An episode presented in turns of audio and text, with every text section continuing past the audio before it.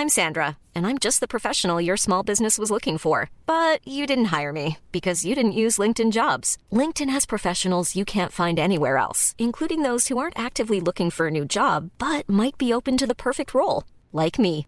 In a given month, over 70% of LinkedIn users don't visit other leading job sites. So if you're not looking on LinkedIn, you'll miss out on great candidates like Sandra. Start hiring professionals like a professional. Post your free job on linkedin.com/people today. Dit programma wordt mede mogelijk gemaakt door Toto. Tony Media. De titelstrijd ligt weer helemaal open dankzij gelijkspel PSV. Vitesse laat al zijn fans meedoen tegen Feyenoord en fase wint ronde 2 van Bobby. Verder wil Twente vooral niet te hoog eindigen. Is AZ op zoek naar nog meer crisis. En hebben we dankzij de verwarming van Almere vandaag maar 8 wedstrijden. Speelronde 18 de Eredivisie is over de helft. Het is tijd voor een nieuwe aflevering van de derde helft.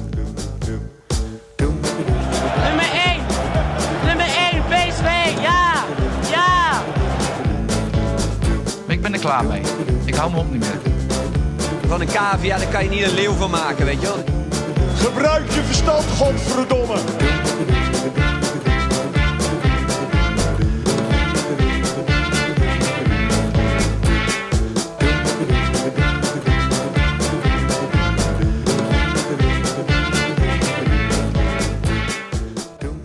Hallo kijkers van YouTube livestream en hallo luisteraars van de podcast Snijboon hier voor de laatste keer. Volgende week is Gijs echt terug.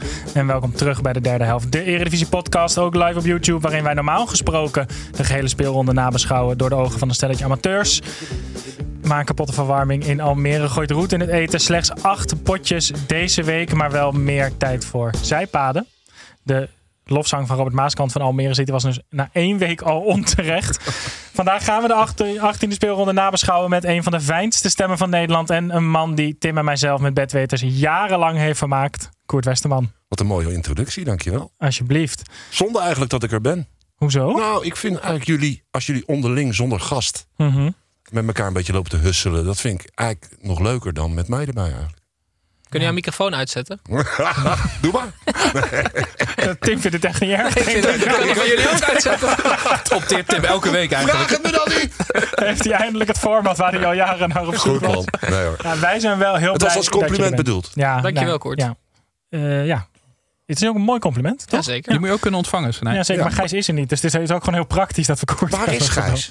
Ja, hij is Ja, al Die zweeft weken... ergens waarboven. Hij, zou, zich- hij is zichzelf aan het zoeken in Azië. Oh. We hadden verwacht dat hij zichzelf twee weken geleden wel gevonden heeft. Maar hij moet echt heel goed zoeken. We voordat hopen dat hij hij volgende week zichzelf gevonden heeft. Ja, ja, ergens, hij zou ergens op een eh, vliegend tapijt weer binnen moeten komen de komende week. Dus eh, we gaan het zien. Kort, heel kort voor de mensen die je niet kennen. De meeste van onze luisteraars zullen je kennen als voetbalcommentator. Maar je bent ook presentator, schrijverjournalist. En je becommentarieert vrijwel alle sporten die er bestaan. Zeker. Darts, poker, boksen en zelfs Domino Day. Eh, daar was ik dan zelf Is dat de categorie sport? Jawel, hè? nou, daar was ik, de, ik was dus wel benieuwd van hoe verhoudt het becommentariëren van Domino Day zich nou tot het becommentariëren van andere sporten? En dan als vervolgvraag, hoe bereid je je voor op commentaar geven bij Domino Day? Nou, eh, dat, dat, dat, dat Domino Day dat werd destijds eh, bij SBS uitgezonden en geproduceerd door eh, John de Mol. En eh, die vond dat dit eh, sportcommentaar moest hebben. En dat ben ik eigenlijk wel met hem eens. Want eh, sportcommentatoren die kunnen goed dingen volgen. Zelfs domino-trajecten. Eh, als het moet, enthousiast. Zeker in mijn geval eh, ben ik vrij snel enthousiast te krijgen. Dus dat was ook niet verkeerd. En ja, qua voorbereiding wij waren gewend naar het voetballen te gaan. en dan kwam je bij Toppels of zo. En dan moest je stoel zoeken. En iemand moest zich neerzetten waarin je kon praten. Je moest bijna alles zelf doen. Maar dit was natuurlijk een showproductie. En wij kwamen, wij mochten vijf dagen in hetzelfde hotel als de presentatoren en de artiesten. We werden echt op handen gedragen. We wisten niet wat ons overkwam. Ik, ik ging mijn commentatorenhokje checken en het was net niet, veel, niet genoeg licht. Dus ik zeg tegen een producer: kan jij, eh, kan je iets regelen? met- Nog net niet harakiri gepleegd, hè? niet normaal. Binnen twee. Sorry, meneer Westerman. Nou, echt. Dat was helemaal niet de bedoeling. Was jij commentator bij de editie met die, met die vogel? Nee. Oh, toen, dat- niet, toen niet meer, want Maar- toen zat ik bij RTL, mocht ik dit niet meer doen. Maar voel je dan ook echt bijvoorbeeld, als je daar dan zit, want je zegt ik ben zelf vrij snel uh, enthousiast te krijgen. Volgens mij bij Domino Day is het belangrijkste altijd dat de aorta blijft gaan. Ja. Maar jij voelt al lang na vijf minuten. Voel jij gewoon, ja shit, we moeten die aorta in leven houden. Ja. Nou, eh, moet je zeggen, van die vijf dagen dat wij ons mochten voorbereiden. Zat je vier in de kroeg? drie. De dag van tevoren was er generale repetitie. Daar moesten wij wel bij zijn. Maar dan werd door Jos Buddy, de re- regisseur, werd alles zo in volgorde aan ons gepresenteerd. Zonder dat het viel. Dus ja, je had het al een keer gezien.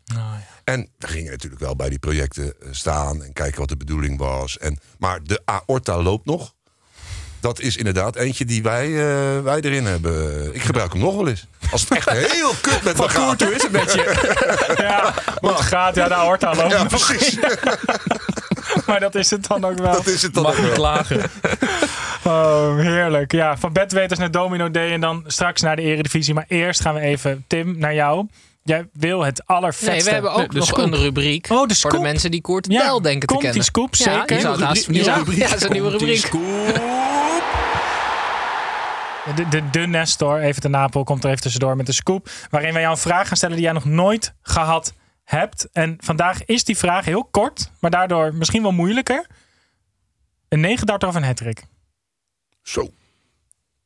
Op welk niveau? Dat vind ik wel van belang. Op mijn eigen niveau of op, op eh eredivisieniveau? Ja, ik zou zeggen wel profniveau. Profniveau. Ja. Oeh, dan denk ik toch dat ik voor de hattrick ga. Ja? Die heb ik natuurlijk wel eens eerder gemaakt. Schoolvoetbal, wat dan ook. Ehm, Dus dan zou je zeggen, dat heb je al een keer gedaan. Maar als het echt op profniveau is, kies ik toch voor de hattrick. Terwijl de negendarter is wel... Ja, maar na, na een hattrick kan je niet het hele stadion rondlopen met een hand aan je oor en, en, en vingers in je oren stoppen. En Weet je wel, dat je echt En een bal mee. wordt. Dat is natuurlijk ook. Ja, en een bal mee. Dat is, dat, Je hebt sowieso één bal winst. Ja, En na een hattrick win je meestal de wedstrijd wel. En na een negen dart is dat helemaal niet gezegd. niet gezegd, nee. Je kunt een negendarter beginnen met een wedstrijd en er toch keihard afgaan. Het is moeilijker hoor, denk ik, een negendarter. Ja? Maar als je Tim, echt wat weet jij van darts? alles... Nee, nou ja, niet heel. Nou ja, ik heb heel veel darts gekeken vroeger. En ik heb. Maar wij deden altijd dat hele irritante spel in ons ja, studentenhuis omdat natuurlijk. we natuurlijk niet echt goed genoeg Nee. zijn, hebben we dan een soort spel. En dat is dan van 20 naar 1. En dan moet je eindigen op eh bullseye, weet je wel. Dus en als je dan toevallig een keer een triple raakt, mag je twee overslaan, weet je. Dat was nooit bewust. Nee, precies. Dus dat is een beetje... Ja, maar de regels ken ik wel. Ja, oké. Ik was Nee, in de Decathlon van de week alles uitverkocht. Ik was niet op zoek naar dartspullen, maar ik liep er lang alles weer helemaal uitverkocht. Wat, Gewoon wat wilde je dan wel hebben? Ja. Ik moest zo'n tas hebben waar een baby in kan zitten tijdens het wandelen. Oh ja, tuurlijk. Ja, Dat is nu mijn levensfase. Vroeger ging ik voor de dartboards en nu kom ik voor tassen waar baby's in kunnen. Nee, maar het is, eh, ik weet dat dit geen darts-podcast is, maar het, het is immens populair. Ja. Eh, nog altijd. En eh, ja, weet je wat het is? Het- In elk spelershome, tot en met Ja, dat van ja, de topclubs aan toe, hangt een dartsboard. Dus er zijn echt best wel veel voetballers die aardig kunnen darten. Lex Immers, Ja, zeker, ja. die versla je niet hoor. Die, Nee, ja, die ik is- niet, denk ik. Nee, maar, nee, maar een gemiddelde darter Ja. ook niet. Nee. Of, Van Persie eh, kon het toch ook wel, of niet? Of was dat Ja, een soort... mij, Van eh, Persie kon het volgens mij ook ja. goed, ja. Ik kan het ook vreselijk goed. Ja, Ja. Ja, maar jij bent ook echt... Jij kan, ja, behalve tennissen, want dan gaat je arm uit de kom gelijk. Dart is nu tegenwoordig ook een risico voor blessures. Maar, maar ja, ik, eh, ik ook. Bij Helmond Sport stond ik ook de hele dag. Altijd maar blessures Ja. faken, zodat ik de hele dag in dat spelen zo een nu beetje nog, pijltjes kon gooien. Nu Ja. nog, want het is hetzelfde spelershome, denk ik, nog altijd. En ik zag daar ook twee jongens van Helmond Sport nog steeds naar het bord gooien toen ik er laatst weer eens een wedstrijd had. Ja, het is heerlijk. Ja, het Maar is- dartboards en amateurvoetbal, dat is wel één, toch? Jazeker. Mooi bruggetje, Tim. Nou, mooi bruggetje Jij naar bent de- op zoek naar het allermooiste amateurverhaal van Nederland. Zo is het. Je bent misschien wel, vind ik, te sterk gestart. Dus ik ben heel benieuwd waar je mee komt. Kan, ja, maar je, je doet alsof het mijn input is. Het is de input van de luisteraars. Ja, Dus daar zijn we uiteindelijk van afhankelijk. We hebben echt weer, vorige week hadden we de Jagerbomber. Heb je dat verhaal Zeker. gehoord? Nou Ja, goed, we hebben, we hebben nu weer veel, veel nieuwe eh, ehm, eh, verhalen binnengestuurd. Dus superleuk en hartelijk dank. En gewoon in willekeurig pak ik er eentje uit, eh, uit de grabbelton. Hij komt van Chief Kief. Die voetbalde bij, eh, ehm, eh, die had een vriendenteam bij SDW. We hadden mensen met katers en mensen die blowen of nog nooit hebben gevoetbald. Dus het was niet alleen qua conditie, maar ook qua tactiek en spelinzicht dat het altijd na 10 minuten helemaal uit elkaar viel. En de tegenstander rook dat als een wolf. Wel 10 minuten nog op niveau. Dan- Dus van 1-1 werd het 6-1 of zo. En de wissels van de tegenstander waren al aan de derde helft begonnen. Half dronken wisselspelers en een gefrustreerd team. Dat belooft wat. De keeper van hun wou ook scoren. Natuurlijk was ons team niet goed. Maar na het terugkijken van de beelden heb ik alsnog mijn uiterst respect voor deze keeper. De keeper van de tegenstander loopt achterloos vanuit het middenveld het hele team voorbij en komt één op één met onze keeper. Onze keeper trekt aan de noodrem. Een judo-worp waar ze in dagenstand voor klappen. Eh, wat daartoe gebeurde zijn we niet trots op en proberen we zoveel mogelijk te vermijden. Maar dit was niet te houden. Badabim, badaboom, glory event. Iedereen opeens op de vuist met elkaar. En onze coach die veel weg heeft van Don Carlos. Dus uiteindelijk de veldslag. Niet te volgen. Alleen hij kon dat. En niet de vuisten. Wat het zo mooi maakte, de tegenstander kwam nadat de wedstrijd gestaakt was met een krat bier onze kleedkamer in. En dat is toch vet cool eigenlijk. Maar wat mooi is, we hebben een filmpje erbij van die keeper die dat hele team voorbij dribbelt en dan uh, omver gekegeld wordt. Dus die zetten we even op socials. Dus dit was eigenlijk het tweede verhaal. Hartstikke leuk. En hij denkt ook naar koning van de derde helft. Leuk. Hebben we nog een oproep of zit je inbox al zo vol? Uh... Nee, ja, nee, ik bedoel, we hebben nog. Uh, hoeveel speelrondes hebben we nog? Nog 17. Dus we hebben nog uh, ja, heel veel ruimte voor leuke verhalen. Ja. Nog 16, maar. 16. Ja. Nou, niet hem gelijk weer afrekenen op een rekenfoutje naar zo'n mooie. Ja, dat vind ik ook. Niet doen. Ja, maar Bedankt, kijk, hij Tim. heeft wel snel de notie om naast zijn schoenen te gaan lopen. Kijk, Dus- Dat klopt. Ja, die, die zijn, niet, die nog zijn niet. niet vies hoor. bij hem. Nee.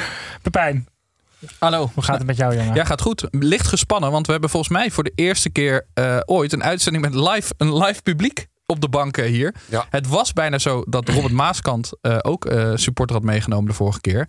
Waren het niet dat zijn vader niet meer de trap op kon waar jullie net naar binnen zijn gekomen. Dus die heeft helaas Dus in de die kroeg, zit daar nu nog. die heeft toen plaats moeten hij nemen. bij eh, Mario? Die heeft in de kroeg aan de overkant heeft hij, eh, toen de plaats moeten nemen. En moeten wachten tot de uitzending voorbij. Maar nu, jij hebt iemand... eh, Ja, dat is mijn maat Theo uit Oude Water. nou, Maar wel- wij, welkom. Wij hebben een live show gegeven in Tivoli. Dat was voor een paar honderd man. Maar dan zit je op een podium en door dat licht zie je het publiek niet. En nu, Theo, zie je gewoon meteen wel of niet lachen. Hij lacht tot nu toe nog niet. Dus het is eigenlijk veel enger. Dit is nog veel enger. Ja, we moeten echt wat meer gas gaan geven. Ja. Oké. Theo, we doen het allemaal voor jou. We gaan naar het voetbal. en we beginnen bij de nummer 1. Dat is PSV. Die speelde tegen Utrecht. Het werd 1-1. Het was niet de vraag of PSV zou winnen, maar met hoeveel doelpunten verschil. Utrecht kwam met het mes tussen de tanden. De Mudmasters obstacle course op en bleef dankzij een ijzersterke Flamingo 4 overeind staan, Tim. Speciaal voor jou.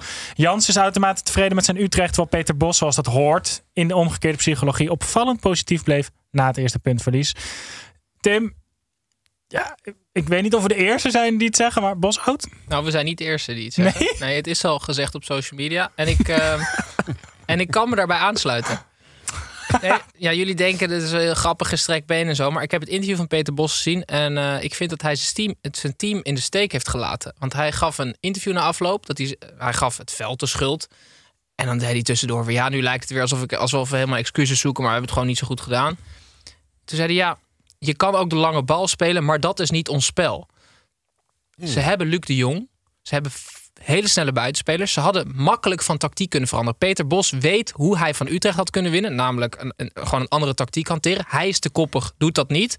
Eh, omdat het niet het spel is van Peter Bos. Nou ja, dan verlies je. Dat is de consequentie. Veerman was er niet. Gelijk. Ja, dan verlies je punten. Veerman was er niet. Hadden ze Tilman opgesteld op het middenveld. Ja, dan kan je ook veel, serieus veel minder goed voetballen van achteruit. Jerry Schouten was moi.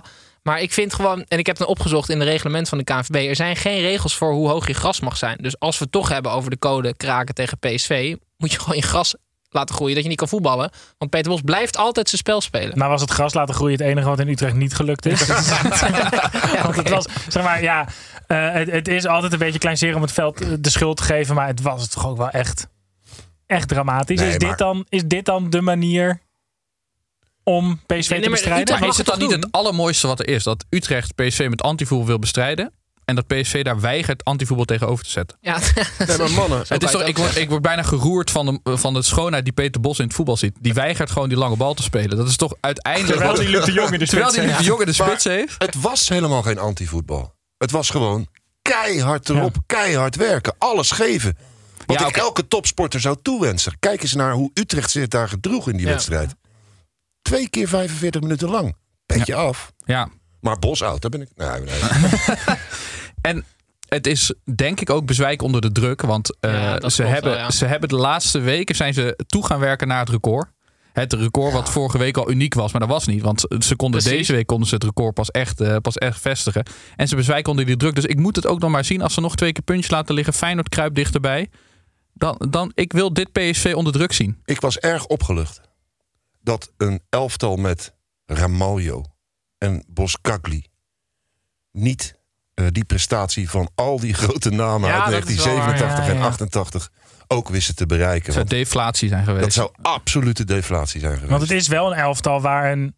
En waar zijn ze daarna geëindigd artikel over gaat komen. En Ja. dat gaat niet Real Madrid en Barcelona zijn bij heel veel spelers, realistisch gezien. Het Ook geen Europa Cup 1, wat dat Nee. elftal in 88 wist te winnen. is toch Bos in dan. Ja, oké, Pijn, ik ga mee met jou. Ik vind het een leuke, leuke theorie. Dus hij weigert eh, antivoetbal met antivoetbal te bestrijden. Prima. Twee dingen nog over deze wedstrijd. Ik denk dat we eh, deze wedstrijd niet mogen bespreken zonder de absolute uitblinker te bespreken. En dat is Flamingo Ja, van ik vind, Utrecht. ik vind dat super interessant. Want hij is eigenlijk centrale verdediger. En hij wordt dan op het middenveld gezet. En dat, dat kan dus twee kanten op gaan. Of het is een, een, een meesterzet. En dat, of het is verschrikkelijk. Ehm, en het, het hangt maar van één ding af. En dat is inzicht. Want dat is wat je op middenveld nodig hebt. Maar ik heb hem bijna nooit gezien. Heel vaak is het zo dat ze een centrale verdediger centraal achterin zetten om Ja. daar wat meer voetbal te brengen. Maar Ja. het is bijna nooit dat je denkt, ik moet even wat minder voetbal op dat middenveld hebben. Nou is dat in het geval van Flamengo niet helemaal, helemaal het geval. Het voelt een beetje als blind die op een gegeven moment controlerend ging spelen op het middenveld. Maar voor de rest is het altijd de andere kant op. Het is eh Ja, het Jans effect. maar wat ik over centrale verdedigers vooral vond, was Sayan in de Ja, spits. oh, ik wil Ja, het ja, over ja. Geweldig, ja. Geniaal. Maar dit is toch, het voetbal heeft dit nodig. Hè? Dus Sayan is centrale verdediger. Ja. Die komt in de ploeg voor Lammers. Dat Ja. is een spits. En hij kan dus, hij staat precies op het midden van het veld. Dus hij kan twee kanten Ja, op ja, als hij erin komt. En iedereen dacht, die gaat linksaf naar zijn eigen Geniaal. 16. En die gaat rechtsaf. En dat stadion had het niet meer. Maar dat heeft Jans dus wel weer perfect gezien. Want dat is toch ook gewoon heerlijk olie op het vuur gooien. Ja. Tim, jij, eh, deze wedstrijd stond onder leiding van Joey Coy. Ja, mijn favoriete scheidsrechter is dat. Ik ben nog steeds voorzitter van de fanclub. Om, om, om Joey Coy hangt altijd iets. En nu, dit was ook weer de perfecte Joey Coy wedstrijd. Want na de wedstrijd zei Ron Jans, hij ontwikkelt zich fantastisch als scheidsrechter. En Kenneth Perez zei over diezelfde Joey Coy, slechtste scheidsrechter die ik ooit heb gezien. Ja, dat vind ik gewoon genieten. Maar het- ze zeggen, topscheidsrechters zeggen toch altijd van een topscheidsrechter over zichzelf. Een topscheidsrechter, die ken je niet. En die Nee, zie, precies, en die die zie zie je je niet. En Joey nee. Coy is het maximale tegenovergestelde. Want Het is een soort iedereen, van Schreudinger scheidsrechter. Is hij. Ja. iedereen in Nederland kent Joey Coy. Als je ongeveer. trending bent als scheidsrechter, Ja. Ja. dan moet je je grote zorgen gaan Ja, precies, maken. maar hij is nog Wekelijks. jong. Dus kan het dan dat hij straks helemaal onzichtbaar is? Dat hij nu alles heeft geleerd, alle fouten. En daarna zie je over- nooit meer dat over Joey twee Coy. jaar iedereen denkt dat Joey Coy uit het voetbal is verdwenen. Hij dat fluit elke wedstrijd. Joey Coy blijft voor altijd. Want je, er zullen altijd zal er weer een nieuwe Joey Coy komen. En daar gaan wij zelf ook voor zorgen. Van, dat zijn naam zal altijd in het voetbal blijven. Ja. Over generaties. Nog zeg je, wat een Joey Coy. Ja, dat- oh shit, het is de nieuwe Joey Coy. Ja. En dan Ja, ben je je had toch altijd, Of eh, zou Dick het- Jol weet de uitslag al, weet Ja, je ja, wel? ja, ook dat Of is zou het ja, dus ja. niet uitmaken dat je zeg maar een perfecte scheidsrechter, die is altijd onzichtbaar, dus altijd neutraal. Ja. Maar Joey Coy is ook een perfecte scheidsrechter, omdat de, de uitersten zijn zo extreem. maar altijd altijd niet. gemiddeld. Ja. Hij is altijd Ja. gemiddeld. Ja, ja, ja. Ik nodig iedereen uit. Als je nog, als je nog een studie doet. En je, het lukt je om af te studeren op Joey Coy. Zou ik je bij deze uitnodigen om dat te gaan doen. Gaan wij door naar Vitesse tegen Feyenoord 1 tegen 2. De problemen stapelen zich op voor Vitesse. Al ging het de laatste tijd juist wat aan de betere hand sportief. Deze wedstrijd liet zien van hoe ver ze in Arnhem moeten komen. Dus toen het terecht met 2 en 8 stond tegen Feyenoord, al speelden ze niet eens zo heel slecht, besloot Sturing gewoon om vijf extra spelers naar voren te sturen in de slotfase. Zonder positief resultaat, wel met zwarte jassen. Feyenoord won en zo kunnen we zeggen dat de titelstrijd weer helemaal open ligt. Kort, die, die supporters die kwamen makkelijk het veld op. En toen, toen dacht ik, als commentator ben je, ook, ben je dan makkelijk bereikbaar voor supporters? En, en Ja. claimt er wel eens een over een hekje? Bij Vitesse trouwens niet. Als je dan televisiecommentator bent, zit je niet eh, in de buurt van de perstribune, Mhm. maar heel hoog. Wat ik trouwens sowieso het probleem vind tegenwoordig voor commentatoren. Die zitten echt altijd in de nok van een stadion. Op dat Je schuifdak. herkent helemaal niemand. Dan zit. Hertog naast je, toch? Die vogel Ja, die zitten in de buurt, ja. Nee, maar dat is een heel afgesloten iets. Dat, eh, daar zit verder alleen eh, nog een, eh, een, een- iemand die eh mee videoot van de clubs. Nou ja. Dus bij Vitesse zit je, maar normaal bijvoorbeeld bij alle andere clubs... ben je gewoon bereikbaar eh, als men dat zou willen. Dat gebeurt ook bijvoorbeeld bij Willem II. Zit ik naast een business unit. Bij ADO ook. Daar mogen ze me graag. Maar als er iemand is die mij een lul vindt... en die zijn er best wel... dan, kan je, dan kan je mij bereiken. Als je dat zou willen. Alleen merk je wel dat in het echte leven... wat minder gebeurt dan op de sociale media, zeg maar. Ja, dus je, jij kan dan in een stadion met duizenden mensen komen, daar hoor je dan niks. En dan open je thuis Twitter en dan, Ja. dan, dan lijkt het net alsof dat hele stadion bij jou langs is geweest. Die gozer Ja. die naast je zat, die dacht toen hij thuis kwam, ik ga er toch nog wat van zeggen. Eh, Feyenoord wint met 2-1. Mm. 10 punten achterstand. Tim, hoeveel, hoeveel procent kans heeft Feyenoord nu op de titel? 50. Nee, maar, Want ze worden of kampioen of niet. ja, het kan, nee, maar, nee, maar het kan nu echt twee kanten op. Wiskundige. Of, of Bos stort in met die club, toch? Of niet? Nou, dat zeg jij nou. Maar kenners eh, van de carrière van Peter Bos beweren dat dit patroon zich elk jaar bij Ja. hem voordoet. Ja. Dus het zou zomaar kunnen. Nou, dat, lijkt me nou, nou, dat lijkt me nou wel echt heel Kort grappig. had PSV hem al moeten ontslaan na vorige week. Ja, ze moeten dat voor zijn. Na 17 wedstrijden winst, gewoon Bos out. Kort, ik zie nu het probleem van dat we jou hebben uitgenodigd en niet Gijs. Jij gaat mee in, Of is dat niet de bedoeling? Nee, ik, ik vind dat, eh, dat Tim daar wel, eh, wel, een, wel een punt heeft. En, en de, de kenners ook, die, Ja. die hebben dat allemaal nagezocht. Het stort meestal naar de winterstop behoorlijk in. Kijk, ik gun het PSV en ik hoop ook echt dat ze kampioen worden. Maar ik hoop voor de competitie dat het wel nog wat spannender wordt dan dit. Laat ik het dan zo zeggen. Ja, ja. En dan gaan we het zien of die hoe erg ideologische voetbaltrainer Peter Bos is. Want met 11, of met 11 punten voor is het natuurlijk vrij makkelijk. Principieel zijn. Ja, om te zeggen van ik ga alleen maar uit van mooi voetbal. Maar, maar met- Vanaf 9 punten voor alleen maar lange bal.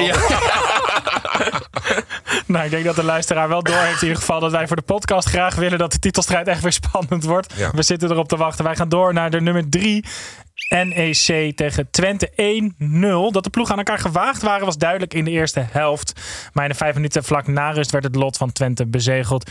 Juninho Verdonk legde van 30 meter af voor een zalige zwabber. Terwijl menselijke zagen Max Bruns enkele minuten later terecht met rood mocht inrukken. Twente deed zijn best daarna ook nog, maar NEC won verdiend en knap met 1 tegen 0. Pepijn, toch los van de wedstrijd, ben je ook zo ongelooflijk jaloers op Van Wijmerskerken? Ja, om meerdere, om meerdere redenen. Maar voornamelijk om zijn voortschrijdend inzicht. Want hij heeft dus in oktober zijn contract verlengd, geloof ik. En toen heeft hij er een, een clausule erin op laten nemen... dat hij in januari transfervrij mocht vertrekken naar een Japanse club. En patsboom, in januari staat er een eh, club... eh, je moet even, Badabim, badaboom, zeg ik maar. Glory event. Is hij ook op zoek naar zichzelf? Ja, dat zou ook Nee, hij komt ja. niet terug. Oh, nee, Hij, blijft Dat zo- denken wij. Ja, dat zou, dat zou Ik- zomaar kunnen. Maar, ik denk dat hij snel terug is. Want eh, volgens mij, ik weet dat hij zijn roots daar heeft en alles. Maar maar aan de andere kant, hij heeft in Nederland ook niet de carrière. Zeg maar, het is toch een heerlijke stap die je kan maken. Wat heeft hij gespeeld? Dordrecht, Cambuur, Zwolle, geloof ik. En, eh Ja, maar ik zou en het- een beetje, NEC. een, een beetje saai. Pepijn, ik maak het nog wat mooier voor je. Hij heeft dus in oktober na een proefperiode pas voor het eerst bij NEC getekend. Ja, dus dat, En toen dacht hij al, ja, ja. Maar en hij, ik kijk het een paar maandjes aan. Het was natuurlijk- veel leuker. Ja. Het was natuurlijk al 100% beklonken. Dus dat is zo knap. Dat hij heeft gewoon met een stalen gezicht gezegd van... nou, ik heb nog wel één clausule. Ja, het sla- er is niemand geïnteresseerd om. Maar als ik in januari weg kan... dan, en, en hij had al lang een voorcontractje getekend daar in Japan. Ja, het is, eh, Slim. het is slim. En ik vind het ook slim. wel... Hij had toch ook een restaurant of zo? Of een afhaalservice? Ja, dat was toch een, is een tijd bij eh Pax Ja, maar die is geloof ik failliet, eh, failliet gegaan. Echt Daar heeft- waar? Daar heeft hij volgens mij een hele financiële, grote financiële zepert. eh, Sorry, saai. Ik had het niet moeten zeggen. Maar dan weet Hij ik gaat, niet hij gaat sushi tent in Osaka beginnen. Het schijnt de Daar kennen ze de reputatie niet. concurrentie is moordend daar wel. Maar Ik weet in ieder geval dat het sushi heet. Geweldig. Oei, oei, oei. Hey, en uh, Streuer. ander transfernieuws. Eigenlijk voor Twente is dit misschien wel de belangrijkste transfer die ze hadden kunnen doen. Dat is dat Jan Streuer nog Ja. in ieder geval een half jaar aanblijft. begint me een beetje tegen te staan. ja, ik ben het met jou eens. Ja? Ja. Jongens, Jan Streuer zegt de hele tijd... Nou, ik weet niet of ik nog door wil. Buitengewoon sterke imitaties, hè? Doe hem nog eens. Nee, ik ben geen clown. Nee, maar... Ja, en, en hij, hij blijft maar... ver- Waarschijnlijk, waarschijnlijk gaat Brugging straks eerder weg dan Streuer. ja, Nee, ja, ik vind het een beetje... Ja, zegt Het is een beetje dik advocaat. Ja, Zodat, achtig, ja. dat idee krijg je er een beetje. Ja, is dat zo? Of heeft Brugging misschien nog zoiets van, nou ja, met ook hoe goed het nu met Twente gaat, is deze uitdaging als technisch directeur misschien gewoon nog te groot? Of Maar bedoel je hoe goed het, dat het heel goed gaat? Ja, dus dat, er, ja, dat het heel goed gaat, dus dat je dan, dan wil je ook doorpakken en dan heb je misschien juist ook weer meer aan, aan ik denk wat dat dat het Streuer is, doet. omdat eh, ik heb Arnold Brugging leren kennen als echt een buitengewoon intelligente man. Een beetje atypisch, zeg maar, in, de, in, de, in het topvoetbal misschien wel. En daar bedoel ik niks slechts mee. Maar die is ook... Maar de rest is dom. Nee, maar Nee. dat vind ik niet. Maar hij is wel behept met een heel, eh, heel goed ja, relativerings, zelfrelativeringsvermogen. Te, te misschien? Ja, misschien wel. Ik zou het hem wel toewensen dat hij, weet je wel, eh, niet twijfelen. Ja. Ehm, en dat doet hij misschien ook niet. Maar ik vind wel van heel veel volwassenheid ge- getuigen als, je dat, als dat het zou zijn. van wil je voor mij nog even een half jaar blijven? Ja, maar is het Ik niet... voel wel wat voor de theorie van Snijboom. Dat als Twente nu 8 of 9 had gestaan, dat ze gedacht hadden: nou ja, volgend jaar zal het niet heel veel slechter worden. Laat Brugging het maar doen. En Nou, nu, ja. nu gaan ze een aanval doen op de top eh, wellicht. Maar ik ben het ook wel met, met Koert eens. Want Brugging is hier, was hier te gast in de week dat bekend werd dat hij technisch directeur werd bij Twente. En daar hebben we het toen ook met hem over gehad. En ik moet zeggen, na die ontmoeting van een paar uur, gun ik het, ik gun het bijna niemand zo erg om Snap ik. te slagen binnen de voetballerij. Snap ik. En ook toen had hij wel die, die, nou, die zelfkennis en die zelfkritiek. Dus het klinkt voor mij een soort van meer alsof het vanuit hem dan komt. En hij gewoon denkt, ja, misschien is dit ervoor nodig om... Nou, ik hoop dat, het, dat dat het is. Want als het vanuit een nog hoger echelon van de club komt... dan moet Arnold zich wel zorgen maken. of ik gewoon zou al een het half jaar zegt... Is het, En ik vind het ook wel jammer nu. Arnold is wel lastig, toch? Zou ik niet nog een half Ja, jaar... maar dat, dat is. Maar door, door zo'n half, jaar, door zo'n half jaar verlengen lijkt het wel. Doet het een beetje af aan de prestatie van die Brugging ook geleverd heeft deze zomer. Welke precies? Nou, dat hij toch ook mede verantwoordelijk is geweest voor dit Ja, team. oké, oké. Maar Ja. samen met Streuer. Samen met Streuer, ja, dat bedoel ik. Maar nu, door Streuer nog een half jaar te verlengen, lijkt het veel meer de prestatie van Streuer dan de prestatie van Brugging. Dat is waar. Nou ja, we gaan zien hoe het gaat vormen. We gaan eerst naar buiten spel. Edwin, Kevin hier buitenspel Ik doet. hoor je nu voor half, stem nog eens. Oké, Edwin, Edwin buitenspel. Tim, trap jij onze buitenspel maar eens af. Ivan Tony is terug op de Engelse velden. Dat is een, ehm, een spits van Brentford die maandenlang eh, ja, geschorst is geweest omdat hij eh, gegokt had op zijn eigen wedstrijden. En eh, hij, het was een emotioneel, eh, emotioneel weerzien, want hij scoorde meteen een vrije trap tegen, eh, wat was het, Nottingham Forest volgens mij. Had je gezien hoe? Ja, wel interessant hè? Een paar keer die bal opzij leggen? Oh ja, dat ook, ja. ja Had je ook zeker. nog gezien dat zijn laatste treffer... precies ook tegen dezelfde tegenstander Is dat ook zo? Ja. Daar wilde ik niet naartoe. Maar Oh, ik vind het sorry. alle- allemaal leuk van jullie. Ehm, maar ik werd door luisteraar, eh, Koen heet hij toevallig, werd Ja. ik gewezen op eh, Ivan Tony's eh, initialen. Dat is Ivan Benjamin Elia Tony. I bet. Hm, Hey. Is leuk, hè? Ja. Vind ik leuk. ja, er kan zo'n muziekje onder. Complottheorie muziek. Zou dat bewust zijn geweest? Want dan vind ik het wel redelijk zieke ouders. ja, ik denk dat het bewust was. Wordt, is- wordt hij gesponsord misschien? Dat muziekje wordt wat harder nu. Mag een VAR even iets heel anders? Hij, hij, legde die, ja, hij legde die bal twee keer opzij. Oh, ja. Waardoor die bal over de grond langs de muur, eh, Ja. langs de muur kon. Maar mag een VAR ingrijpen als het spel stil ligt? Dus als, ze, zeg maar, Ik denk niet dat de VAR hierop mag ingrijpen. als je buiten... Als het spel stil ligt en je geeft iemand een klap op zijn gezicht. Mag de VAR dan ingrijpen? Ja, want dan is het een rode kaart. Maar ik denk niet Ja, dat dat is een 100% dit is... fout. Een Ja, van, maar- Maar dit is wel een doelpunt wat eigenlijk ongeldig was. Omdat hij de bal opzij legt. Dat is ook een 100% fout. We gaan het vragen, Pepijn. Ja, Pepijn, heb je, doe eerst maar zo leuk buitenspel. Ik zal eens even iets leuks... eh, ik heb even iets leuks voor jullie.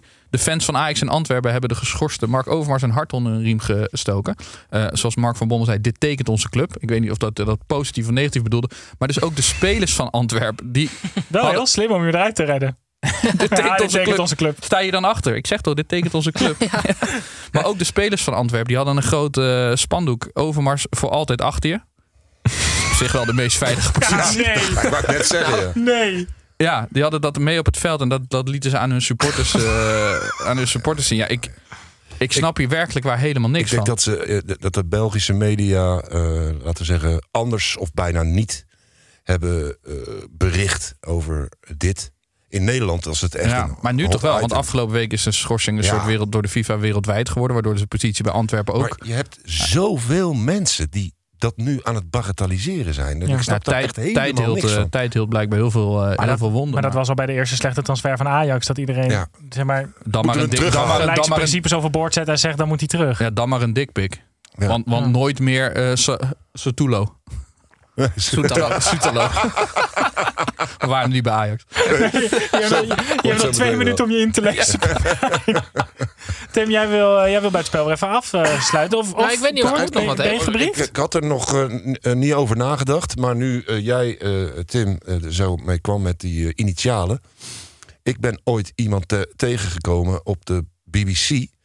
Die had zijn dochter ehm La Mesra genoemd. Ja, zeker. Kennen jullie dat verhaal? Ja, ja, ja. Oh, dan laat ik het zitten. Nee, ik niet. Dat was maar een vader, die wilde zijn dochter, of kind in ieder geval, eh, eigenlijk Arsenal noemde.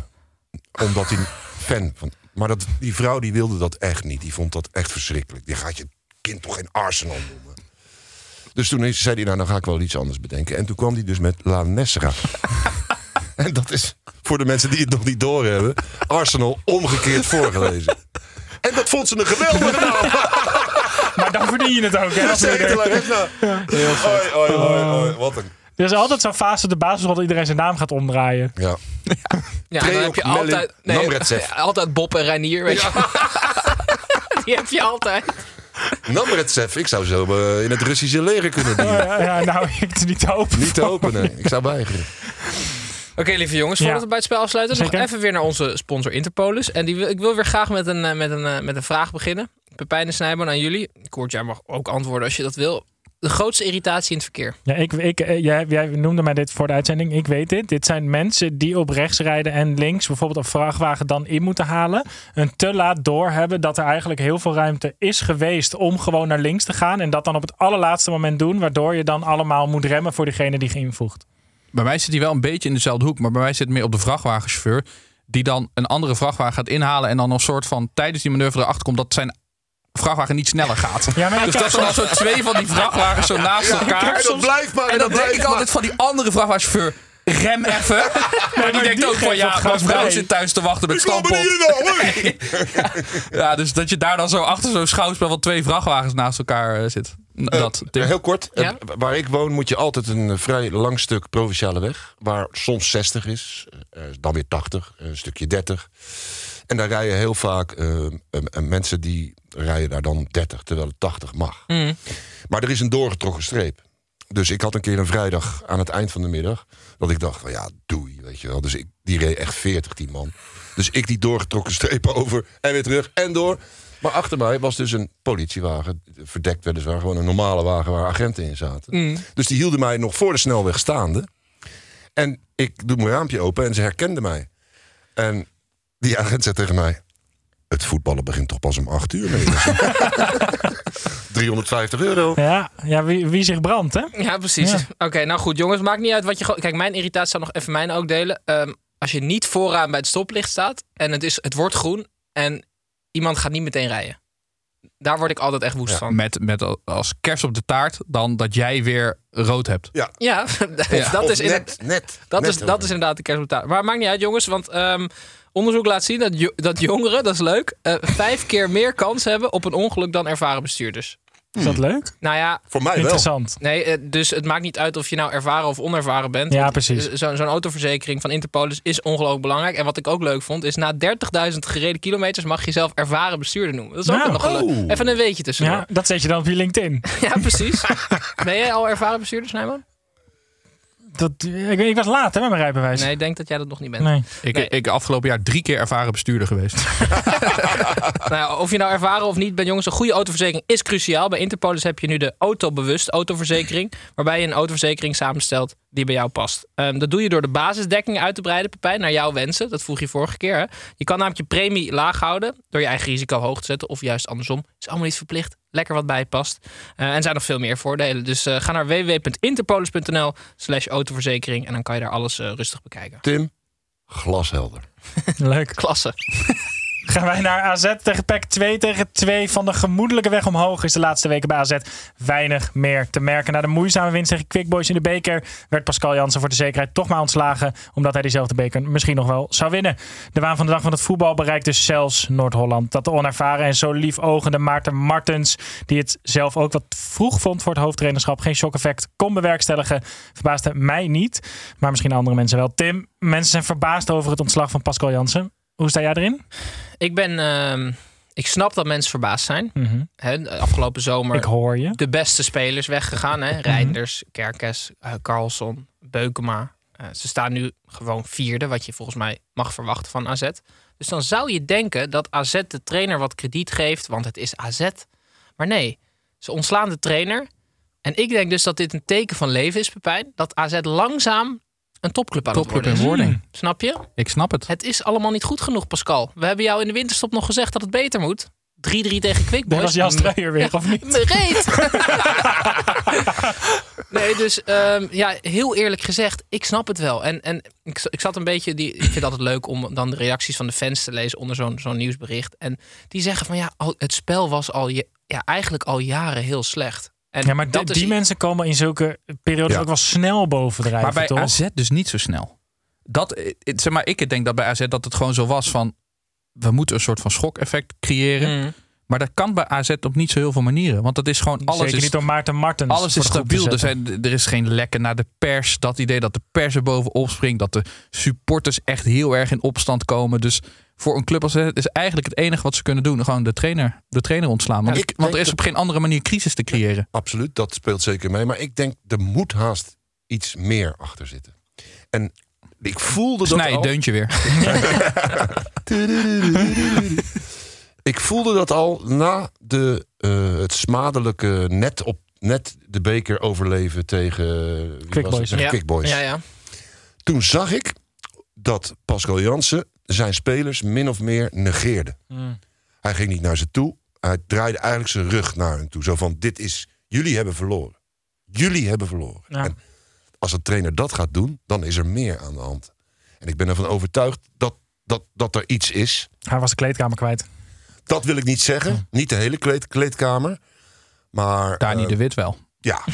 En dat is wel een baasje hè, in de kleedkamer. Ja. Dus ja, ik, het kan me niet voorstellen dat op grond van deze korte dagkoers iemand zo rigoureus. eh, of hij is misschien wel aan het praten met Ajax, weet jij veel? Dat is ben- slot ik- ook met ik- Feyenoord gedaan. Ik wilde dus wel serieus zeggen, wij zijn al jarenlang in dubio over of Pascal Jansen een goede trainer is. Bij een nieuwe club kunnen we in ieder geval die conclusie gewoon gaan trekken. Dus ik hoop hem wel volgend jaar ergens aan het roer te zien. Zeker. Tim, jij zag nog iets bijzonders op het veld. Ben jij? Ja, ik ben Willy. En jij René. En samen zijn we altijd met z'n twee. Nee, maar wat Koert zegt klopt natuurlijk. Je- Het kan niet zomaar dat, dat Pascal Jans vanuit niet ontslagen wordt. En dat is ook niet zo, want eh, normaal gesproken gaat Max Huiberts natuurlijk over die beslissingen. Maar dat was nu eh, Martijn Krabbe deze week. Dus eh, En dat is toch een beetje, dan krijg je toch die RTL-insteek van je personeelsbestand. Krijg je dan. Hij is eh, ingestuurd door iemand, maar ik, ik kon zijn naam zo snel niet vinden. Dus meld je alsjeblieft en dan krijg je eeuwige roem. Eh, te zien op ons social media kanaal. Leuk. Gaan wij door naar Ajax tegen RKC. Dat werd 4 tegen 1. Voor de derde keer in twee wedstrijden stonden Ajax en RKC tegenover elkaar dit seizoen. Met Messias Henderson op de tribune. Nummer 14 werd er bijna voor vrijgemaakt. Ajax won relatief eenvoudig van RKC. Hoogtepunt voor de Waalwijkers zou zijn dat Fase na zijn botsing met Bobby ditmaal een penalty van diezelfde Bobby stopte. Al zal het slechts een pleister op de wonden betekenen. Kort is deze week vooral veel te doen geweest over Henderson. Die overkwam uit Saoedi-Arabië. Zit Ja. jij in het pro- of het anti-kamp? Ik zit heel erg in het pro-kamp. Ja? Ja. Als je de wedstrijd eh, gezien hebt die Ajax heeft gespeeld. ehm, ik was echt flabbergasted. Die hebben drie ongelooflijk goede aanvallers. Die alleen maar de hele wedstrijd verongelijkt kijken. Huilgezichtjes hebben. eh, dit soort gebaartjes van ja, eh, ik kan hier ook verder niks mee. Dan denk ik tegen die gasten. Ga eens mee verdedigen. Ga eens druk zetten. Zet eens even je, je, je eigen ego opzij en ga eens vechten voor je club. Nou, die Henderson, die is op zijn retour. Zeker niet de beste voetballer die, Engels, die de Engelsen ooit gehad hebben. Maar als nou iemand met dat karakter eh, Ajax aan het draaien kan krijgen, ook qua werklust, dan is het Jordan Henderson. Hij is alleen een beetje. En dit is vlammend betoog. Ik wilde er tegen zijn, maar ja, oké, dan niet. Moeten ze nummer 14 niet vrijmaken voor Nee, nee, nee, dat is heilig. Dat is heilig. Maar wat ik, wat ik wel echt interessant vind, is ze betalen die man eh, miljoenen. Maar Ik dacht ruim 7 miljoen per Nou, jaar. Correct. dus, het- het- ja, dus zoiets. Maar ze betalen dat niet voor zijn voetballende kwaliteiten. Ze betalen dat omdat ze hopen dat hij twee, drie spelers 10% beter maakt. En als hij Hato beter maakt en hij, hij krijgt Bergwijn aan het voetballen en, en Robbie schiet er 25 in, dan heeft hij alles toch dik terugverdiend. Ja, dit is Ik- de nieuwe Tadic, maar, dan op het zag- middenveld. Ik zag die discussie met eh Brobby en Bergwijn. Het ging over die penalty. Dat ging volgens mij over 500 euro. Ja. Mocht, mocht Brobby hem nemen. Van, Oh, eh, van is dat echt zo? Ja. Echt? ja, die hadden... Maar ik dacht, als het zo makkelijk is, voor zo weinig geld die spelers dus te motiveren zijn om te doen wat je wil. Dan ik dacht, hadden ze- alle penalties. Nee, dan hadden ze toch beter die 7 miljoen vrij kunnen maken voor 2 ton per wedstrijd. En daarmee gewoon met geld instructies meegeven. Ja. Van voor 10.000 euro even een beetje mee verdedigen. Inderdaad, zeg. hè. Ja. Zijn die miljoenen die ze krijgen niet eigenlijk al precies daarvoor bedoeld? Maar waarschijnlijk als je Bergwijn eh 10 miljoen biedt voor terugverdedigd, zegt hij nee. Laat Berghuis dat maar doen. Voor 500 euro. Eh, Ik wilde wel heel even nog kort en daarna gaan we door naar, naar het weetje van Tim. Maar Bobby Ja. was wel echt gewoon waanzinnig goed, toch? Ja. Ja, ja, ja. Dus Vond jij? Nou, kijk, Bobby is heel lang. ehm, is het die spits geweest waarvan we zeiden: ja, hij is al 21. Volgens mij is hij nu 21. Mhm. En nu is het de spits waarvan je denkt: holy shit, hij is pas 21. Snap je? In één keer is die omslag geweest in een paar maanden. Van waar gaat dit nog heen? Van, Ja. Ja, van, prim, ja. van, van ja, een eeuwig talent naar Nederlands elftal. Nou, en ik, wat ik vooral vond, ik vind hem aan de bal wel, en dat is natuurlijk veel over, over te doen geweest dit jaar, maar hij wordt wel echt beter aan de bal. In zijn vind- aannames, in zijn wegdraaien. En als hij dat erbij krijgt, dan Ik vind niet dat hij beter wordt, maar dat hij veel beter weet wat hij kan en wat hij niet kan. Dus dat hele lichaam, eerst wilde hij altijd Ja. de bal aannemen, een soort van in zijn loop mee terug, terug het Mhm. veld in en dan een balletje breed of een balletje. Hij is erachter gekomen dat die eerste touch van hem gewoon niet goed genoeg is. En dat gaat het ook niet meer worden, want hij is al 21. Is hij al 21? Nou, nou, zeg maar dat dan. Ja. Maar ik zie het wel dat hij nu doorheeft van gewoon mijn kont erin draaien en die verdediger maar eh, nou ja, op, op twee meter afstand houden. Want dat is ongeveer de ruimte die hij creëert met die, billen, met die billen van hem. En gewoon dat balletje onder die voet steeds stoppen. Dus hij snapt nou, ik moet het maximaal simpel houden en gebruik maken van die kracht. Kan hij dit op elk niveau? Dat denk ik. Dat Zeg denk maar, ik. stel Dus naar, Alaba- naar beneden bedoel je of omhoog? Ja, nee, stel hij, stel, spe- stel, hij speelt vierde klasse reserve. Lukt dit hem dan ook, Tim? Nee, want hij moet wel balletjes over de grond krijgen. Door het midden. Maar niet van die stuiterballen van Nee. zo'n slechte laatste man. Ja. Dus hij kan het alleen op dit niveau. We gaan kijken of hij het eh volhoudt. Maar ik was, eh, ja, ik was wel echt onder de indruk van hem. Tim, het is jouw moment. Of iemand dit nou weten wil. Dat boeit me niet ontzettend veel, want ik heb weer een weetje voor je mee. Ik doe het weer niet alleen. Ingestuurd door een eh, luisteraar, Luc. Hartelijk dank. Eh, Mohamed Salah is een schoolvak in Egypte. Wisten jullie dit of niet? Ik dacht dat een voetballer in Liverpool was. ik dacht dat je dit weet, Janneke had. Nee, Pepijn. Het zou kunnen zijn dat ik hem ook gezien heb dat hij hem instuurde. Ja, dat zou heel Hij wil je gewoon Ja. slecht laten voelen. Ja. Niet op ingaan. Zowel op de basisschool als de middelbare school hebben ze gewoon boeken gewijd aan eh, Mohamed Salah. Ehm, het is wel leuk om het uit te leggen. De jonge kinderen die leren eigenlijk over zijn bijdrage voor club en land op het veld. En op de middelbare school gaat het natuurlijk wat, eh, wat, wat verder, meer over de maatschappij. En dan gaat het eigenlijk over wat hij terug heeft gegeven aan, eh, aan de samenleving, goede doelen, et cetera. Ja, hij is, maar hij is echt een soort half. Hij is wat Henderson in Amsterdam is. En Salah in, in Egypte. Ja. Wat wil je zeggen? Nou, Hm? Een half? Een half god. Nou, dat is gewoon zo. Ja, ik wilde half Faro zeggen, maar is eigenlijk net niet grappig genoeg. Nee. Maar toch gedaan. Maar is het, is het even niet omdat hij dat betaalt? Of dat van, Nee, vanuit dat- zijn foundation of zo? Het is echt ontstaan op de Oh. school Nee, zelf. hij heeft daar zelf. Propaganda. ge- Ja, ik heb veel websites gelezen, maar er stond niet dat, dat Salah erachter zit. Maar het zou kunnen. Dat hij dat teruggeeft aan de Het doet me maatschappij. een beetje denken aan in Zweden is slaat dan toch een woord. Als je iets heel vets Ja. of heel iets groots doet, Is dat zo? dan slaat dan je iets of zo. Ja. Ja? Het bekt niet heel lekker. Maar ja, Zweeds bekt sowieso niet heel lekker. Dus misschien is dit Zweeds prima Zo, te die doen. zijn we ook kwijt. Al die Zweedse luisteraars. Ja, alle drie. Dag. Wat is dag in Zweeds? Nou, dat, als je in Ikea loopt, heb je toch... Hey, Ja, dat Ja, is mooi. ja. Ja. Of is dat ook doei? Nee, hees volgens mij doe juist. Tot kijk. hey do. Nou ja. Tak. Sparta Go Ahead. 0 tegen Maar 2. dogeloos die? Ook dat draaiboek. Ja. Niet te De, geloven. de strijd op plek 6 wat, was minder spectaculair dan verwacht. Volgens het wedstrijdverslag was het Sparta dat het verdedigend en aanvallend niet tegen een bijzonder go-ahead op kon brengen. Steek die maar in je zak. Dankzij een doelpunt van Willemson en een penalty van Edwardson, Edwardson won go-ahead deze saaie, maar oh zo belangrijke wedstrijd met 2-0 en klimt over de Rotterdammers heen. Pepijn, haken overperformen. Toch waanzinnig dit? Nee, eh, nee. Hm. Haken, vorige week was Robert Maaskant hier. En die beargumenteerde dat de voetbaltrainer toch eigenlijk wel de belangrijkste positie binnen een club is. Maar volgens mij is Haken precies het voorbeeld waardoor wat laat zien dat de trainer helemaal niks uitmaakt. Haken heeft de, de meest succesvolle en slechte carrière mogelijk. Zeg maar bij elke club, dan is het. Het zijn alleen maar tropen. Ja, het was geweldig. eh, Wat een succes. En, en, dan gaat hij daarna naar Utrecht. En dan is het een jaartje goed. En daarna is het dramatisch. En dan gaat hij naar Go Ahead. En dan is het weer geweldig. Hij laat zien dat het dus helemaal niks uitmaakt voor welke groep die staat. En het ligt gewoon aan de, het ligt gewoon aan de spelers. Ik zie dat nu bij Haak. En het valt me ook op dat over het succes van Go Ahead. Want het is natuurlijk waanzinnig wat ze laten zien.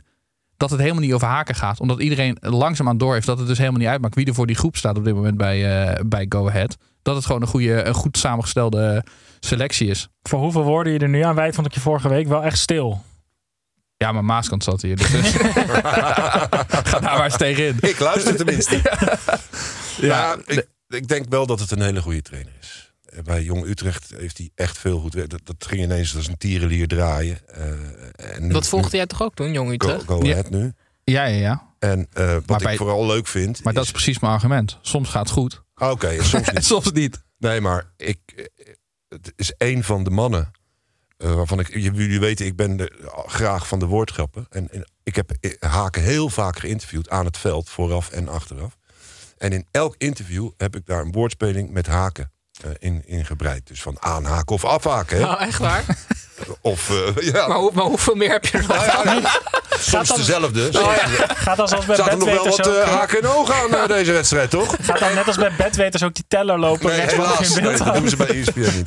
Maar, ehm, en hij moet gewoon, of het nou echt was of niet, elke keer weer lachen. Ja? Heel ik zeg ook niet dat dankbare man. Oh, ik zeg ook niet dat een onze. Ik, ik vind, denk Nee, dat dat- hij dat weet ik dat je dat man niet is. Nou, wij ik- hebben vorig jaar wel, er hebben wel vorig jaar wel, in terug. vorig jaar wel gelachen over haken. Wat was er op een gegeven moment? Haken out was trending. Oh ja. En toen weer haken in. En toen uiteindelijk is het geëindigd op haken neutraal. Omdat Haken Utrecht maar neutraal, ja. zevende, zevende bleef staan. De slechtste was nog to- toen eh, Rick Kruis eh, ook naar Jong Utrecht ging, om het een beetje te proberen, had je de duo Haken-Kruis. Ja, Heb je daar ook een woordgrap van gemaakt? op Twitter. Daar kan dat. Op, ja, op Twitter is dat nog mild. Ja. Ja. Nou ja, ik, ja, ja, Pepijn, ik denk niet dat ik het heel erg met je eens ben. Maar goed, ik heb Het ook is niet toch heel wel veel belachelijk knap hoe ze nu staan? Ja, maar ja, laat Pepijn het niet Nee, horen. ik laat het niet horen. Nee, maar is haken. Oh, meedogenloze man. Excelsior Heerenveen 3 tegen 0. Pepijn Excelsior had al 10 wedstrijden niet gewonnen. Dus het mocht zich gelukkig prijzen dat Heerenveen vooral bezig is met de selectiesamenstelling. En dus helemaal geen tijd had om tegenstand te bieden. Haaien lijkt te blijven. Sherry komt niet. Sarawi vertrekt waarschijnlijk. En Van Hooijdonk voerde met zijn aanwezigheid de geruchten. Ondertussen scoorde Excelsior drie keer aan de hand van uitblinker Driouche. Ja, zonder E uit te spreken. Ja. Staat er wel, Daar maak je je ook steeds het woordgrapjes mee als jij hem interviewt, hè? Met Driouche? zeg ik altijd gezondheid. Gezondheid nam zijn revanche op voormalig werkgever Heerenveen. Tim, Ja. mooi uitblinker deze wedstrijd. Ja, ik vind, dat, ik vind dat altijd wel leuk, ja. Dat spelers die dan, die dan bij Jong Heerenveen niet uit de verf komen of zo... Dat die, en dat hij dan naar Excelsior gaat. En ik sluit niet uit dat hij ook uiteindelijk voor 3 miljoen naar Hellas gaat. Dat, dat, miljoen. Ja, dus als er één week is dat je deze grap kan maken, is het als Hartje kort. Pepijn. nee, ja, maar... ehm, dit jaar is hij dus begonnen met scoren. Ja. En hij kon namelijk al best goed dribbelen. Hij zit fysiek best interessant in elkaar. Ehm, dus ik, ja, nou ja, als je dan... Als je dan Zo heb ik nog niet naar hem gekeken. Het is ook het raarste compliment dat je iemand kan geven. Jij zit fysiek best een andere interessant in elkaar. Zou dat in de kroeg werken bij een vrouw? Best eens een andere bril opzetten misschien. Niet kom je hier vaker, maar jij ziet er fysiek best interessant uit. Hij begint nu met scoren. Ja, ik, ik vind dat... eh, ik zou Drioes of Driouche een hele leuke opvolger vinden van Sarawi als die weggaat. Ja, om dat gewoon even de cirkel rond te maken. En wat ik ook nog steeds interessant vind... is dat Excelsior met 3-0 van Heerenveen wint... terwijl Excelsior 11 wedstrijden niet gewonnen had. Dat kan eigenlijk niet. Dus dat is- betekent wel dat Excelsior stappen heeft gemaakt. trainer. Nou, en, het is dat, ja, en iedereen is weer fit eindelijk, hè, na die ziektegolf tijdens het trainingskamp. Oh ja. En, En kijk, die Dijkhuizen blijft natuurlijk ook... Eh, En Driehoes is natuurlijk ook. Het is een beetje dat van Gaal. Wat van Gaal altijd deed. Dat je tegen je oude club altijd speelt. ja. Omdat het soort van iets extra's losmaakt. Ja. En dat zag je bij hem ook als je hem na de wedstrijd hoorde. Hij was, hij was meer gemotiveerd dan dat die andere week is. Ja. Eens. ja, ik vind je dan geen prof. Nee, Nee, maar wel fysiek interessant. dus het- en als je dan een van de twee moet kiezen. Wat doet zo'n interessantere speler als jij in zo'n te vol als deze? Oh, ik zou Tim toch ook echt wel langs het veld willen zien staan met zijn microfoon. Zo, zo, er zouden vragen uitkomen. Wij gaan naar de laatste wedstrijd van het weekend. Want er zijn er maar acht. En die laatste wedstrijd is Heracles tegen Volendam. Dat werd 1 tegen 1. Hoofdtrainersduo Dingsdag Simons of Simons Dingsdag mocht op het kunstgras van Heracles aantreden. Deze wedstrijd schreeuwde een gelijkspel. En dus zal het niet verrassen dat het dat ook werd. 1 tegen 1. Dankzij doelpunten van Zeefuik en Hoornkamp. Kregen beide teams een punt. Er staat Volendam op de 17e plaats. Koort, Heracles Volendam. Ja. Ik denk dat er weinig mensen zijn in Nederland die denken... Ik zeg alles af op zaterdagavond. Die ga ik kijken. Hoe, hoe leef je als commentator naar zo'n wedstrijd toe? Als je naar zo'n wedstrijd toe gaat, dan uh, je krijgt allerlei informatie van de opta bijvoorbeeld en van de redactie. Die maken A4'tjes met feitjes en je doet zelf je, je voorbereiding. En uh, dan ga je meestal met een lijstje van 40 dingetjes die je kan vertellen tijdens een wedstrijd, ga je zo'n wedstrijd in. En dan is het zo dat hoe meer van die feitjes je gebruikt, hoe saaier de wedstrijd dus is. Nou, en deze was echt verschrikkelijk saai. Het was werkelijk normaal. Zit je te kijken. Ik was er niet hoor. Ik zat Mhm. gewoon thuis te kijken. Maar het is niet meer te doen, dit. Om hier normaal naar te kijken. Het begint al met de opstelling komt binnen. Twee trainers die 5-4-1 spelen. Dan heb ik al de neiging om, nou ja, goed, toch maar kijken. Want ja, het is je vak. Mhm. Dus na 10 minuten, normaal pak je dan een extra bakje koffie. Als jij een wedstrijd gaat kijken, doe je dan ook die feitjes voorbereiden? Nee. nee. Mag thuis niet meer. Een lijstje op de bank. Nee, maar normaal ga ik na, na 10 minuten even koffie eh, bijhalen. Nu ging ik op zoek naar een taal. Niet, Zo niet gevonden. Ongelooflijk, nee, gelukkig niet. Want je moet mensen niet op gedachten brengen. Nee. Maar dit was werkelijk, nou ja, weet je, de, eh, de subtop van de keukenkampioen-divisie is leuker dan deze wedstrijden. Heb ik je- snap het ook, hè? Maar heb je als commentator wel eens gehad dat je ernstig dicht bij het eind van je lijstje kwam? Ja, ik kan me niet meer precies herinneren. eh, Maar dat je wel in minuut 50 dacht. ja, wel ruim als er nou niks gaat 20. gebeuren, wat moet ik dan nog zeggen? Maar dat was, ik ben er ook ooit achter gekomen dat je natuurlijk nooit ehm, met zo'n lijstje echt fysiek naar een wedstrijd moet gaan. Mhm. Ik kwam een keer collega Leo Oldenburger tegen. En ik zeg, die had niks in zijn handen. Die ging commentaar doen. Ik stond uh, verslaggever langs de lijn spelen. Die had niks bij zich. Ik zeg, maar, maar eh, heb jij gewoon een laptop? Nee, heeft hij niet. Had hij niet die wedstrijd. Hij zegt, ik heb het voorbereid en ik zie wel wat er gebeurt. Toen dacht ik, zou ik dat ook kunnen? Dat is lang geleden hoor. Mhm. Jij met je rolperkament daar zo. eh. Eh, ja, en toen heb ik dat een keer geprobeerd. Het was nog voor het internet, zelfs zo lang geleden. Eh, en dat ging wonderbaarlijk goed, vond ik zelf. Mhm. Dus ik doe nog steeds dezelfde voorbereiding, maar lijstjes neem ik niet meer mee.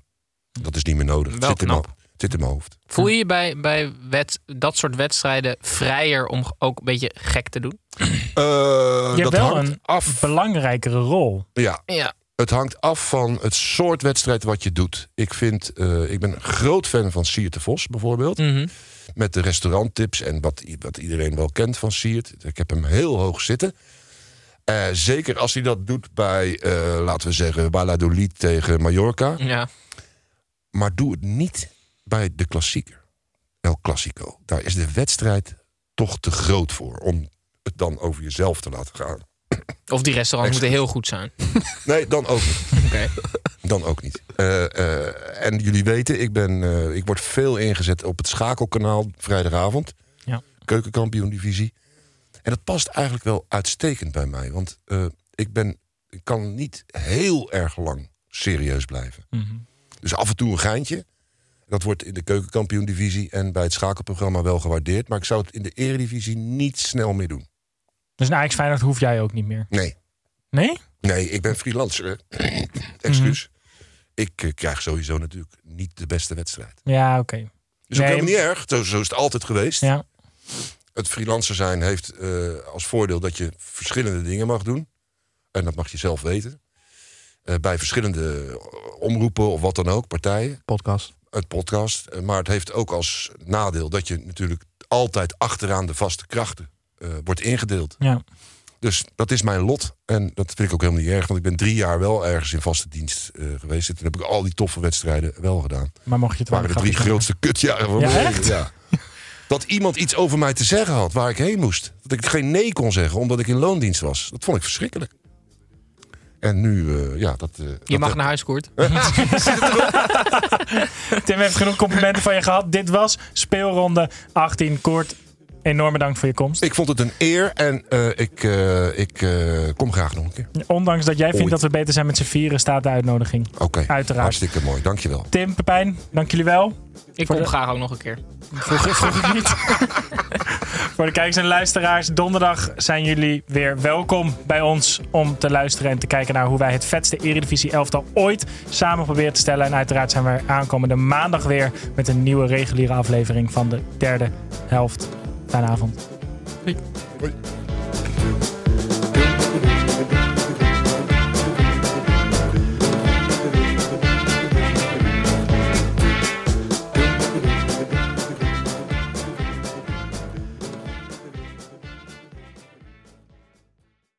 Dit programma werd mede mogelijk gemaakt door Toto.